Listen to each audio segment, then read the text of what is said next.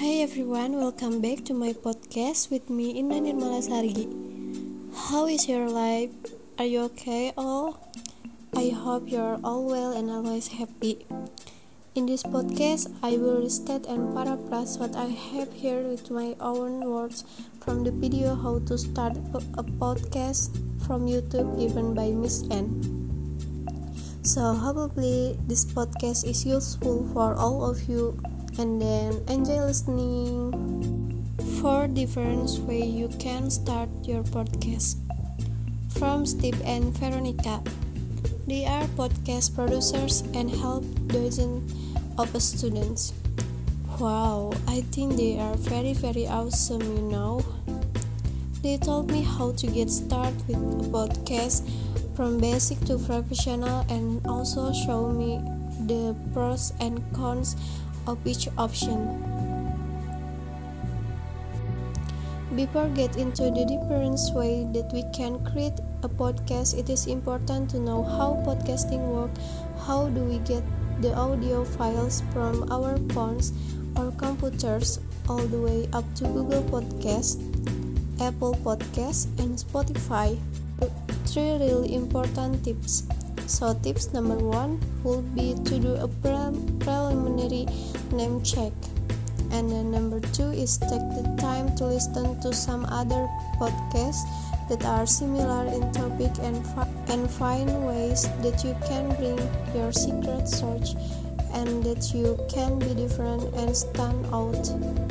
And then tips number three is make a list of all of your passions and all of the topics that, you be interested in covering.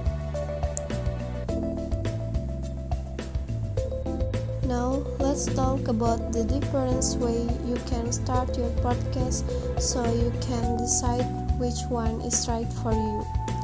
And then number 1, you can start your podcast using your smartphone using two applications for this that you can get on your smartphone, either Apple or Android phones.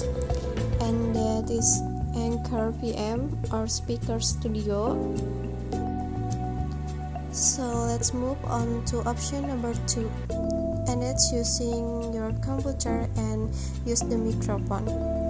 And this is probably the most popular option for independent podcasters because USB microphones are affordable and they sound really good and you don't need to get an audio interface all you have to do is plug them into your computer and you're ready to go and then number three, you can use an XLR microphone and an audio interface. And this is where we get into professional podcasting.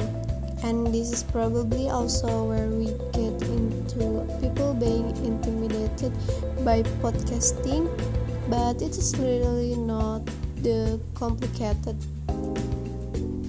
and once you break it down so the first thing you're going to need is an XLR microphone.